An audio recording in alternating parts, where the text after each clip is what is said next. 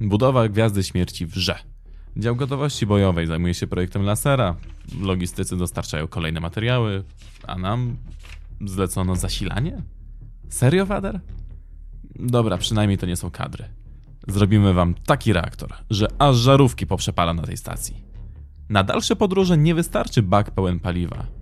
Dzisiaj ludzkość kombinuje nad alternatywnymi rodzajami napędu statków kosmicznych.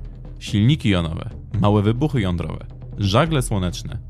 Pomysłów jest bardzo dużo, ale żaden z nich nie sprawdzi się przy tak potężnej stacji, jaką jest Gwiazda Śmierci. Skąd czerpie energię? Co jest w stanie zasilić jej potężny laser?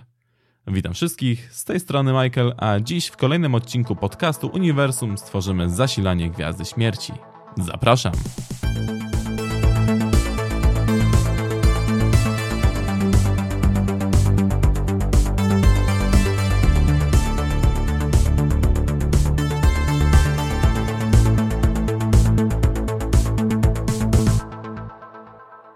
Gwiazdy Śmierci nie trzeba przedstawiać nikomu. Pojawiła się w 1977, wtedy kiedy jeszcze Nowa Nadzieja wcale nie była nową nadzieją, tylko to były po prostu Gwiezdne Wojny. Gwiazda Śmierci jest stacją bojową, która ma zdolność niszczenia całych planet. Oznacza to, że w jednej chwili potrzebuje bardzo dużo mocy, żeby móc dosłownie rozsadzić, czyli przezwyciężyć tą energię ciążenia całej planety no a do tego jesteśmy my, żeby zaprojektować reaktor, który byłby w stanie jej zaproponować aż taką moc. Także pierwsze co zrobimy, to porównamy te reaktory, które już mamy albo które mniej więcej wiemy jak działają, porównamy jak bardzo one są efektywne, a potem spróbujemy coś wybrać, ewentualnie wymyślić coś innego.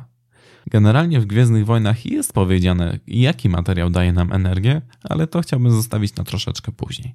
Dobrze, więc porównajmy te efektywności reakcji. Możemy powiedzieć, że to jest procent masy, która w danym procesie jest zamieniana na energię. Mamy oczywiście mniej efektywne, bardziej efektywne reakcje. Te, które mamy na Ziemi, są bardzo nieefektywne. Wszystko to dzieje się zgodnie z tym słynnym wzorem Einsteina E równa się mc kwadrat, gdzie E to jest energia, m to jest masa, c to jest prędkość światła, czyli 300 tysięcy km na sekundę. Einstein tym wzorem dał nam dosłownie przepis na zamianę energii na masę i masy na energię. Więc jeżeli byśmy mieli jakąś reakcję, która ma efektywność 1%, to ze 100 gramów jakiegoś paliwa otrzymalibyśmy 99 gramów jakiegoś tam produktu ubocznego i 1 gram zamieniłby się nam na energię.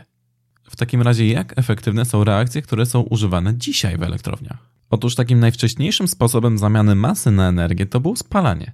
Spalanie towarzyszyło nam od tysięcy lat, od dopiero kilkuset lat potrafimy zamienić spalanie na energię elektryczną, a dzisiaj kombinujemy z jakimiś różnymi alternatywnymi sposobami zasilania. Niestety to spalanie jest okropnie mało efektywne.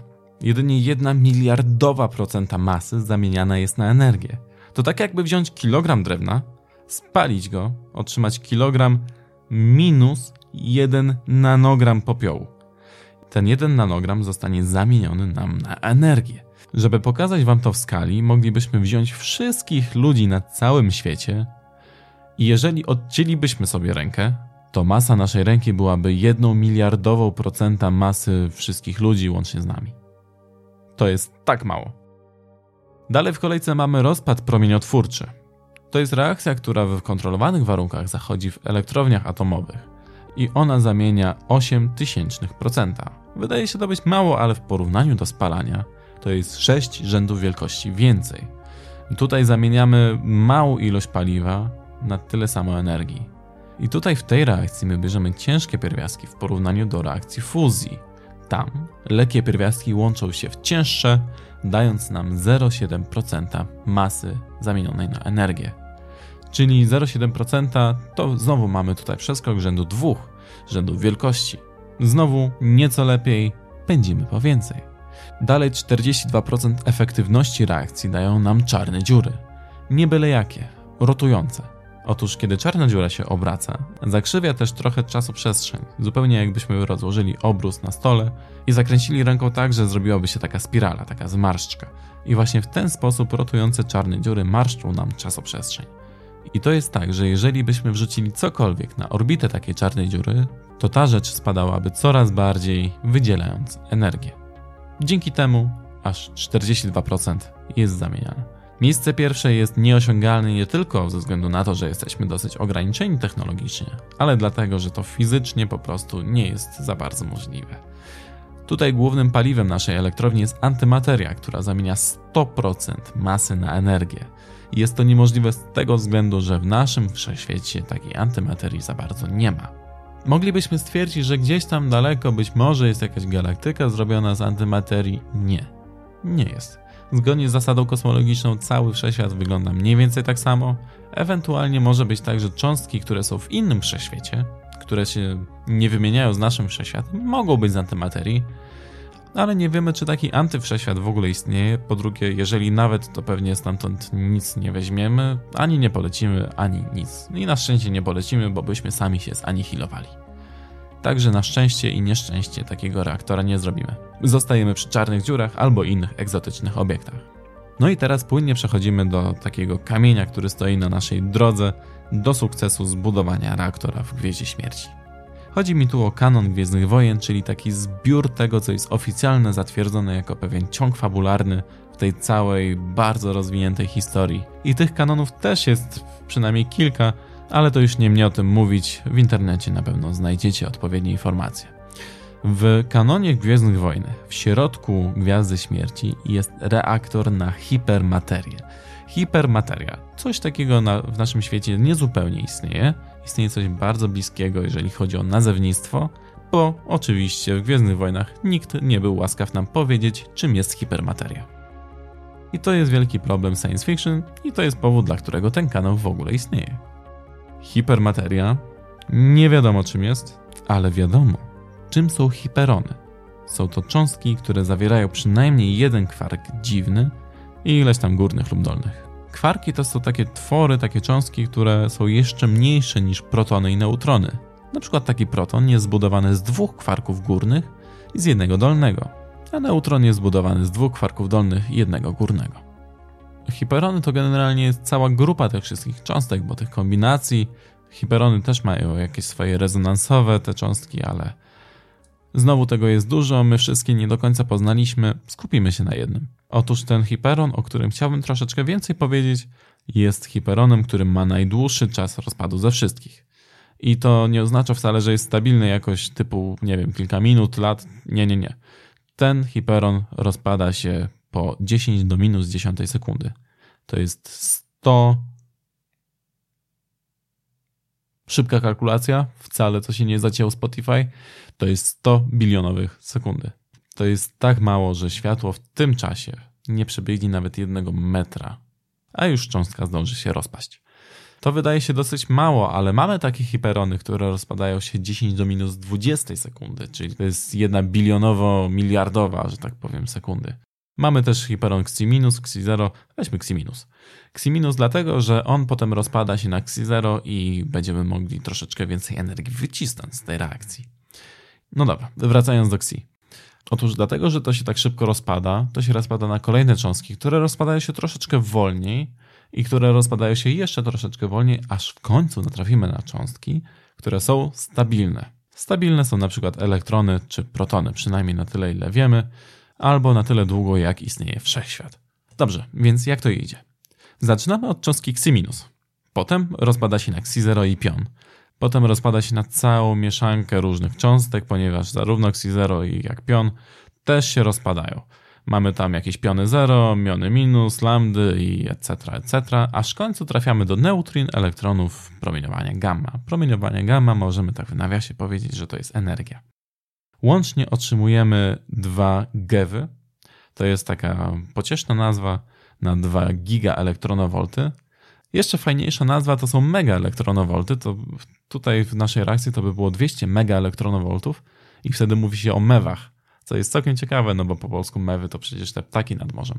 No i ta ilość energii z jednego rozpadu cząstki Xi jest 10 razy większa niż energia z reakcji zamiany wodoru w hel która zachodzi w Słońcu. Ta reakcja, o której mówię, to jest reakcja proton-proton i to jest też taka najbardziej stabilna reakcja, która będzie zachodziła jeszcze przez 4,5 miliarda lat, będzie dominować w Słońcu, potem zaczną się różne dziwne rzeczy. Więc właściwie to już mamy naszą teorię. Możemy powiedzieć, że odpowiedzialne tutaj są cząstki Xi albo Xi. Wtedy, jeżeli zgromadzimy wystarczająco dużo tych cząstek, to otrzymamy coś, z czego moglibyśmy czerpać tyle energii, ile nam dusza zapragnie. Tylko teraz pytanie, skąd skitrać tyle cząstek Xi? Nie mamy takiego źródła żadnego na Ziemi, przecież to się rozpada bardzo szybko. A niekoniecznie. Otóż być może pod pewnymi bardzo ekstremalnymi warunkami ta cząstka wcale się nie rozpada tak szybko. I te bardzo ekstremalne warunki istnieją w gwieździe neutronowej. Jest hipoteza, że we wnętrzu gwiazdy neutronowej znajdują się hiperony. Do pewnego czasu była to hipoteza, która była jedną z głównych, jeżeli chodzi o wnętrze gwiazdy neutronowej, najbardziej takiej stabilnej gwiazdy, która nie jest czarną dziurą. Gwiazd neutronowych mamy całkiem sporo.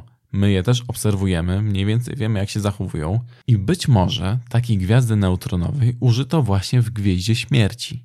We wnętrzu gwiazdy śmierci mamy gwiazdę neutronową. Może nie jakąś ogromną, zresztą też możemy pozbyć się tych zewnętrznych warstw gwiazdy neutronowej, czyli wziąć to samo paliwo, które potem byśmy wrzucili do naszego reaktora i wtedy moglibyśmy działać już bojowo z naszą gwiazdą neutronową. Jeżeli byśmy potrzebowali dużego skoku mocy, nie ma problemu. W końcu tego materiału troszeczkę sporo będziemy mieli, zwłaszcza, że on jest dosyć solidnie spakowany. Jedna łyżeczka gwiazdy neutronowej ważyłaby tyle co Mont Everest. Możemy powiedzieć, że Imperium jest w stanie wygenerować ogromne pole magnetyczne, które będzie odrywało po kawałku te hiperony z gwiazdy neutronowej. I taki reaktor miałby największą rację bytu, poza oczywiście problemami grawitacyjnymi, poza problemami z gromadzeniem energii, ale jest to najbliższe temu, co oferuje nam kanon, jest to najbliższe temu, co oferuje nam nauka. Więc otrzymaliśmy taki kompromis, troszeczkę naginając i jedno, i drugie, ale dzięki temu wydaje mi się, że otrzymaliśmy najciekawszą i chyba możliwie najbardziej prawdopodobną odpowiedź. Jeżeli jeszcze nie jesteście przekonani, posłuchajcie tego. Żeby zniszczyć gwiazdę śmierci, wystarczy, że nasza gwiazda neutronowa, która zasila ten reaktor, przekroczy pewną maksymalną masę. Taka masa jest mniej więcej w okolicach 2,5 masy Słońca. Zależy też od tego, jak szybko ta gwiazda neutronowa się obraca i tam jakichś innych drobnostek.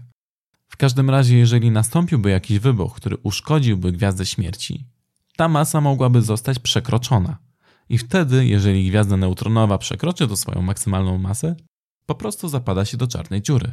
Może to doprowadzić do jakiegoś uszkodzenia całego reaktora, a w konsekwencji do wybuchu gwiazdy śmierci, tak jak to było widoczne na końcu. Więc dzięki temu mielibyśmy moc i sposób na rozwalenie gwiazdy śmierci, tak samo jak rozwalił ją Luke Skywalker w czwartej części. Dziękuję wszystkim za słuchanie, mam nadzieję, że Wam się spodobało, a jeśli tak, to zaobserwujcie ten profil i zapraszam Was po więcej informacji o Gwieździe Śmierci na kanale na YouTubie. Do usłyszenia!